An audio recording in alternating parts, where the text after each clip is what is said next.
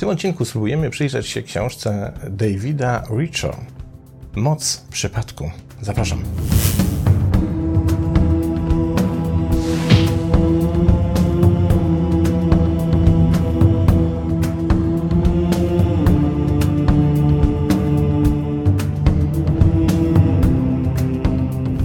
I tradycyjnie zaczynamy od przyjrzenia się temu, kim jest autor. David Richo, jeśli dobrze oczywiście wymawiam nazwisko, co nie jest takie pewne. Jest psychoterapeutą, nauczycielem i pisarzem, autorem książek psychologicznych Santa Barbara i San Francisco w Kalifornii, który podkreśla w swojej pracy perspektywy jungowskie, transpersonalne i duchowe. Cóż powiedzieć, witaj w klubie przyjacielu. Osób, które zajmują się psychologią transpersonalną, niestety nie jest najwięcej, więc tym bardziej mi miło poznać kolegę. I, I tyle właściwie, co wiemy o panu Davidzie Richo, oprócz tego, że jest autorem bardzo wielu poczytnych książek. Książka, którą przygotowałem na dzisiaj, czyli Moc przypadku, jest drugim wydaniem. Jej pierwsze wydanie pod innym tytułem miało miejsce w 1998 roku. Autor postanowił, na skutek wielkiego sukcesu, który pierwsze wydanie przyniosło, postanowił zrobić drugie, uzupełnione, zaktualizowane wydanie, które zostało opublikowane właśnie w 2007 roku i od tego czasu święci triumfy na księgarskich rynkach. O czymż ta książka jest? O sile przypadku. Ja celowo przyniosłem ze sobą inną książkę dotyczącą synchroniczności. O tej synchroniczności będziemy dzisiaj właśnie sporo mówić, bo to jest główny fundament książki Davida Richo. Jest to bardzo nieliczny przypadek, kiedy na polskim rynku księgarskim pokazuje się książka o synchroniczności. Ja nie jestem pewien, nie mam takiej wiedzy, ale wydaje mi się, że książka, którą Wam prezentuję, jest chyba jedyna. To jest książka, która została wydana w 2000, wezmę okulary, w 2014 roku. Z tego co pamiętam. Tak. W 2000. Tak, w 2014 roku przez katowickie wydawnictwo Instytutu Terapii Integralnej Znam panią prezes wydawnictwa, pozdrawiam przy okazji serdecznie. I to jest chyba jedyne takie wydanie książki dotyczące synchroniczności, a temat istotny i ważny, jak się mam nadzieję za chwilkę przekonamy.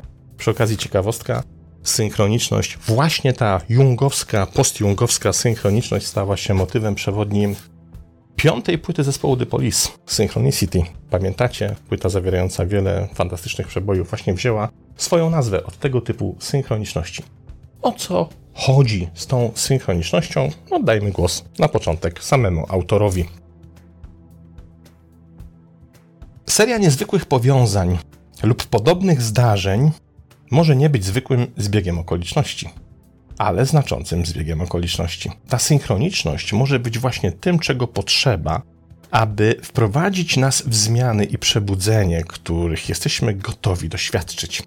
Nagle spotykamy kogoś, dowiadujemy się czegoś, mamy wypadek lub trafiamy na dno, a nasz świat obraca się w nowym kierunku, który ostatecznie robi różnicę, to nieoczekiwane wydarzenie, na które nie mamy wpływu, czy też wydarzenia, to siły synchroniczności, które sprawiają, że jesteśmy tym, kim jesteśmy i kim zawsze mieliśmy być. Synchroniczność to zadziwiające, a czasem niesamowite spotkanie pomiędzy światem, tym, który nas otacza, a naszym wnętrzem. I zastanówmy się przez chwilę, Ile razy w naszym życiu doświadczyliśmy takiej właśnie synchroniczności, takiego niespodziewanego zbiegu przypadków, który wydaje się aż niemożliwy by mógł zaistnieć? Oto potrzebujesz jakiejś konkretnej wiedzy, z konkretnego zakresu, zmagasz się z jakimś problemem, zmagasz się z jakimś tematem, nie wiesz co zrobisz. Co zrobić? Włączasz YouTube'a i nagle patrzysz, a tam jest wykład, na przykład mój, który dokładnie mówi o tym problemie.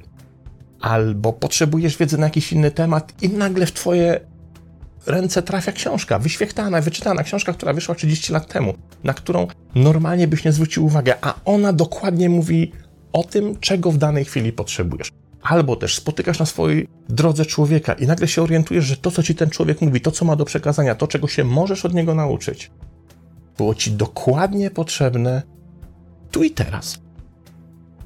I kiedy na to spojrzymy z pewnej perspektywy, właśnie z perspektywy autora książki, Davida Richo, Okazuje się, że to działa trochę tak, jakby ktoś, nie wiadomo jeszcze kto, z góry wiedział, co nam na jakim etapie życia jest potrzebne i nam te realizację tych potrzeb niejako podsuwa na tacy. Warunkiem jest, żebyśmy na to zwrócili uwagę, żebyśmy dostrzegli powiązania, żebyśmy zwrócili na uwagę na to, że to niekoniecznie jest przypadek. Ba, że to jest coś więcej niż przypadek, że to jest dokładnie to, co jest ci potrzebne w tym etapie, w tym momencie życia. I o tym już rozpisywał się Carl Gustav Jung, zwracając uwagę, że takie synchroniczności, na które zwracamy, nie zwracamy uwagi w naszym życiu, się bardzo często pojawiają. Dużo częściej niż byśmy uważali, czy też niż moglibyśmy się spodziewać. Natomiast David Richo traktuje całą sprawę nie tylko z perspektywy jungowskiej psychologii, ale również z perspektywy transpersonalnej.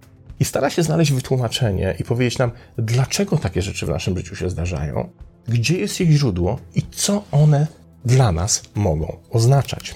Posłuchajmy dalej. Synchroniczność to termin używany przez Karla Gustawa Junga do opisania zbiegów okoliczności, które są powiązane raczej sensownością niż przyczyną i skutkiem.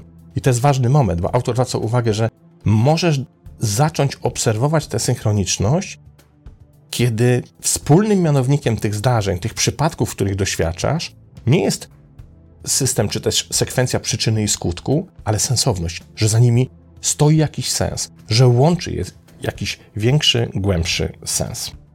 Wydarzenia synchroniczne obejmują znaczące zbiegi okoliczności, powiązania, korelacje, zbieżności lub korespondencje, które mogą nas prowadzić, ostrzegać lub potwierdzać się na naszej drodze. Synchroniczność występuje również w serii podobnych wydarzeń lub doświadczeń, a zatem nie musi to być jedno wydarzenie, może być seria i dopiero zestawienie tej serii pozwala ci nagle odkryć sens, który za tą serią stoi. Może też wyglądać jak jedno wydarzenie, ale takie, które początkuje, które wywołuje całą reakcję łańcuchową kolejnych wydarzeń osadzonych w tym samym sensie. W synchronizacji pozornie, czy też w synchroniczności pozornie przypadkowe zdarzenia współdziałają ze sobą, tworząc połączenie, które ma znaczenie dla osoby, której się to przytrafia. Synchroniczność pojawia się, gdy na przykład symbol, który był w jakiś tam sposób osobiście dla ciebie znaczący, nagle zaczyna działać z przepotężną siłą, jakby ze zdwojonym znaczeniem. Nagle zaczynasz rozumieć, czemu ten symbol od dawna ci towarzyszył. Lub to na przykład sytuacja, kiedy obraz, który przez lata pozostawał uśpiony w naszej wyobraźni, nagle nieoczekiwanie nadaje mu nowe znaczenie, potężne znaczenie, które zyskuje i które to znaczenie pojawia się dokładnie w momencie, w którym jest najbardziej użyteczne. Pokażmy to, co autor nam mówi niezwykłego. Oto przez jakiś czas naszego życia towarzyszy nam jakiś symbol, który z różnych powodów jest dla nas ważny. Niekoniecznie powodów głębokich czy też powodów duchowych. Po prostu utożsamiamy się z pewnym symbolem, utożsamiamy się z pewnym obrazem, z pewną wizualizacją. Nie wiemy jeszcze dlaczego. Nagle mijają lata i w naszym życiu wydarza się coś, co powoduje, że ten obraz, który nam towarzyszył od lat, ten symbol, nagle nabiera zupełnie nowego znaczenia, staje się rodzajem przewodnika duchowego dla nas nagle świadomość tego, że oto ten obraz jest tak nagle ważny, pozwala nam tłumaczyć jego rzeczywisty sens, jego rzeczywiste znaczenie. I to, co pisze autor, ten obraz nagle staje się naszym przewodnikiem, nagle staje się drogowskazem, albo nagle staje się dla nas, dla nas ostrzeżeniem. I nagle coś, co wydawało się niekoniecznie o tak głębokim sensie i o tak głębokim znaczeniu, zaczyna wyłaniać się z tej głębokiej podświadomości na powierzchnię i nagle mówimy, kurczę, to o to chodziło. To dlatego mi się tak często pojawia tego typu symbolika. To dlatego ja na przykład otaczam się samymi mandalami. Nagle orientujesz się, że ta mandala ma dla ciebie totalne znaczenie. A kiedyś były to po prostu czyste, proste, kolorowe obrazki. Te obrazy, te symbole, te zdarzenia, one według opinii nie tylko autora, ale również Karla Gustawa Junga, mają swój określony sens. I klucz cały polega na tym, byśmy potrafili ten sens odkryć, byśmy potrafili z tego sensu zdać sobie sprawę. Poczytajmy dalej, bo robi się coraz ciekawiej. Synchroniczność działa również bezpośrednio lub symbolicznie we śnie, w intuicji czy w przeczuciu. Pojawia się w jednym, czasami bolesnym, wydającym się nam bez znaczenia zdarzeniu, które uruchamia łańcuch wydarzeń, których efekt okazuje się dla nas korzystny. I co więcej, dopiero wtedy się okazuje, jak ogromne to miało znaczenie. Synchroniczność przejawia się w nagłych lub spontanicznych decyzjach, które podejmujemy, nie wiedząc dlaczego, a które później okazują się istotne. W rzeczywistości synchroniczność często pojawia się z powodu związku pomiędzy na przykład nowym kontaktem z kimś, a czymś późniejszym, co okazuje się dla nas ważne. W życiu ciągle spotykamy ludzi, którzy pomagają nam obudzić się na to, co w nas drzemie. Musimy tylko zwrócić na te spotkania baczniejszą uwagę, bo kiedy jesteśmy gotowi do nauki, pojawia się nauczyciel. I to jest właśnie synchroniczność. Tego właśnie dotyczy ta książka. Po pierwsze, tego byśmy zobaczyli, że synchroniczność towarzyszy nam każdego dnia, tylko bardzo często nie zwracamy na nie uwagi. Że to, co uznajemy za przypadek, czasem zadziwiający przypadek, zadziwiającą, zgodnie z tytułem, koincydencję, wcale takim przypadkiem nie jest. Że jest za tym ukryty jakiś głębszy sens, co najważniejsze, sens, który tak naprawdę zrozumiały jest tylko dla nas. Gdybyśmy za tym, o tym sensie zaczęli opowiadać osobie nawet nam najbliższej, to jej będzie ciężko zrozumieć, co tak naprawdę chodzi, bo to wykracza poza takie proste mechanizmy kognitywne, za, poza proste mechanizmy rozumienia i pojmowania. Wręcz jak dalej dowiadujemy się na kartach tej książki, nie ma z rozumem wiele wspólnego. To dzieje się jakby pozarozumowo, zupełnie pochodzi z zupełnie innego obszaru. Więc w pierwszym takim wrażeniu ta książka mówi o tym, czym jest synchroniczność i jak ją rozpoznawać, ale też to, co daleko bardziej istotne w moim przekonaniu tej książce, to jak to rozpoznanie ćwiczyć. Co robić, co konkretnie należy robić, żeby ta synchroniczność nam nie umykała, żebyśmy mogli czerpać te informacje, które według autora książki mogą być nieprawdopodobnie pomocne w naszym życiu i je w sposób pozytywny przewartościować. I co konkretnie zrobić z tą synchronicznością? Otóż autor mówi tak: załóż dziennik. Śledź w nim wszelkie zbiegi okoliczności. Przyjrzyj się znaczącym wydarzeniom w swoim życiu, wymieniając je według dekad, według kwartałów, według miesięcy, tygodni, jak tam sobie życzysz, jak ci to będzie bardziej pomocne i zacznij je badać. Zacznij badać synchronizacje, które mogły mieć wraz z nimi miejsce. Zwróć uwagę na niespodzianki, które cię spotykały. Jakie są zbieżności, podobieństwa lub nieszczęścia, które wydarzyły się w tym samym okresie? Jakie obrazy lub jeden obraz pojawiają się w kółko? Odpowiedz sobie na pytanie, czy miała miejsce seria podobnych wydarzeń lub na przykład snów w ciągu ostatniego miesiąca lub ostatnich dwóch miesięcy? Jeśli tak, to jaki jest ich wspólny motyw? Jaki jest wspólny mianownik? Co ich łączy? Do czego tak naprawdę autor nas namawia? Namawia nas do tego, byśmy zaczęli traktować naszą aktywność z poziomu ciutkę większego niż my sami.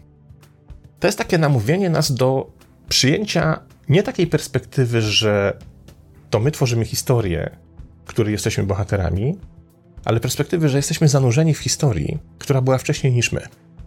Czyli historia jest większa od nas, a nie my więksi od historii. Nie ma teraz znaczenia, kto tej historii jest autorem, bo to pozostawmy światowi wierzeń, światopoglądów, wyznań, religii, systemów filozoficznych. To jest wtórne.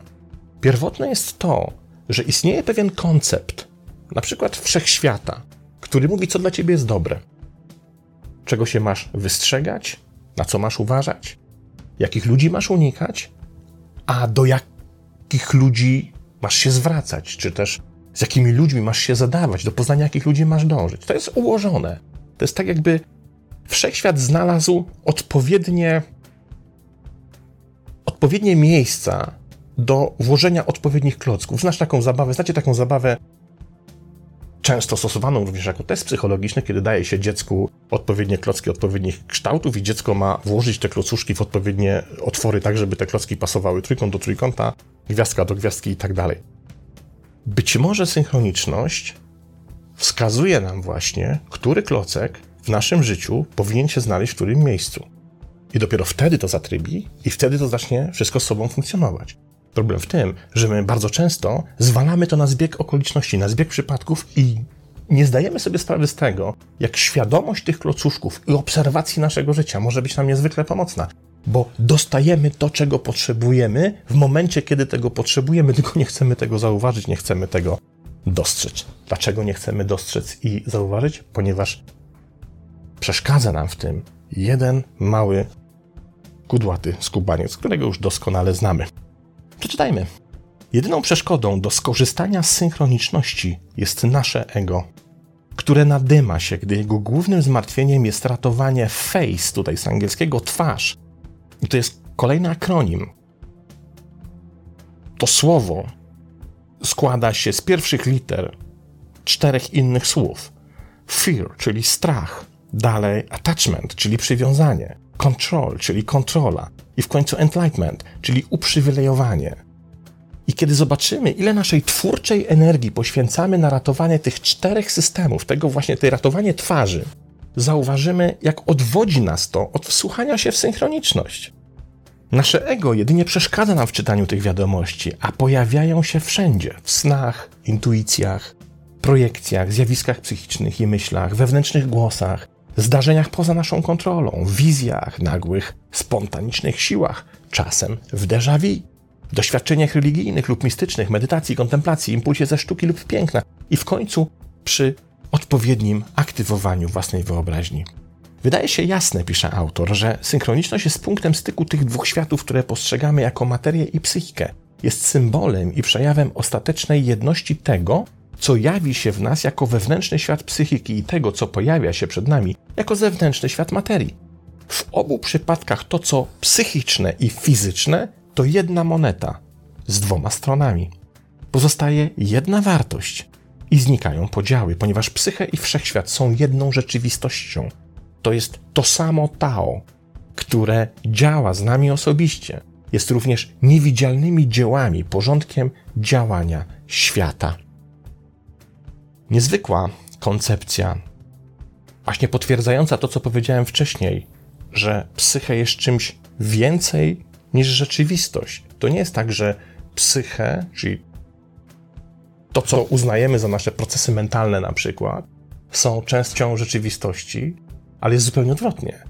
To być może rzeczywistość jest częścią czegoś wielokrotnie większego, co umownie nazywamy psychę. A jeśli tak jest, to właśnie ta większa część decyduje o tym, gdzie powinniśmy zmierzać, gdzie, co jest dla nas najlepsze, jakich wyborów powinniśmy dokonywać. Oczywiście z korzyścią dla nas. Autor w dalszej części książki zajmuje się bardzo wieloma różnymi aspektami synchroniczności, na przykład snami. Okazuje się, że w snach jest bardzo wiele takich znaczeń i wystarczy to prześledzić, by również stamtąd czerpać informacje. Posłuchajmy. Sny pochodzą z wiedzy większej niż ego lub nasze IQ. Mówią nam to, czego jeszcze nie wiemy. Jakie to ironiczne, że mamy umysły, które nie są w stanie poznać najgłębszych prawd o nas samych, to, co myślimy o znaczeniu snu, często mija się z celem, ponieważ sny mówią językiem jaźni do ego. One nie są ego, które mówi do samego siebie. Podobnie jak anioły, sny są inteligentnymi agentami, którzy przychodzą nam z pomocą.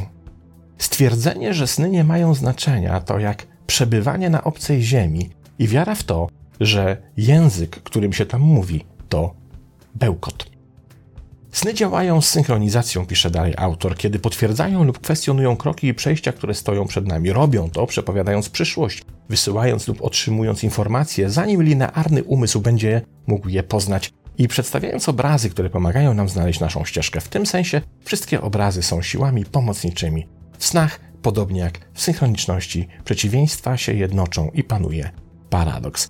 Dalej następuje cała seria ćwiczeń, w jaki sposób nauczyć się pracować z własnymi snami, w jaki sposób czerpać z nich inspirację, w jaki sposób poznawać ten intuicyjny przekaz, który tam się dokonuje.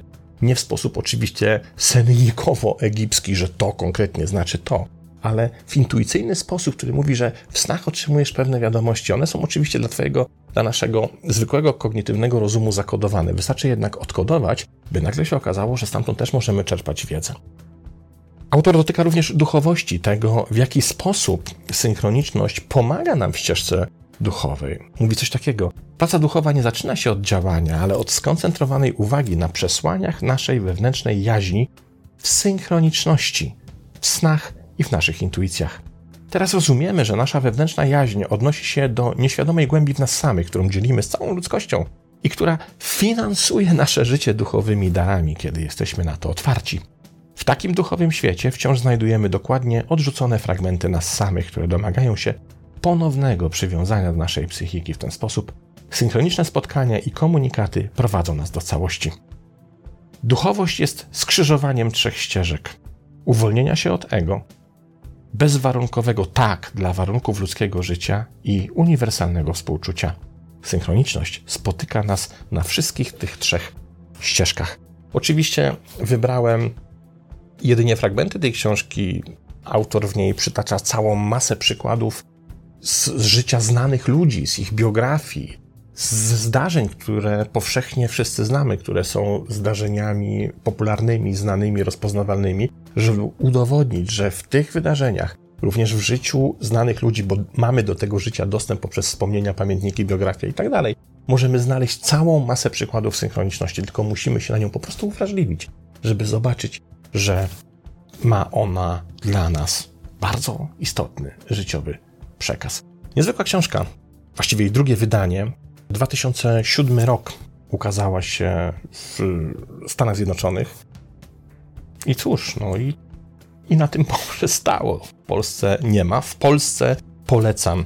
Sięgnijcie. Być może jeszcze gdzieś na jakiś, w jakichś antykwariatach, czy jakichś alegrach, a może w wydawnictwie będzie można dostać książkę Josepha Cambreya, profesora Josepha Cambreya, psychologa, synchroniczność, która traktuje ciutkę poważniej, ale dokładnie o tych samych sprawach bo warto, to naprawdę niezwykle intrygujące doświadczenie zobaczyć, że pewne rzeczy wcale nie są efektem przypadku.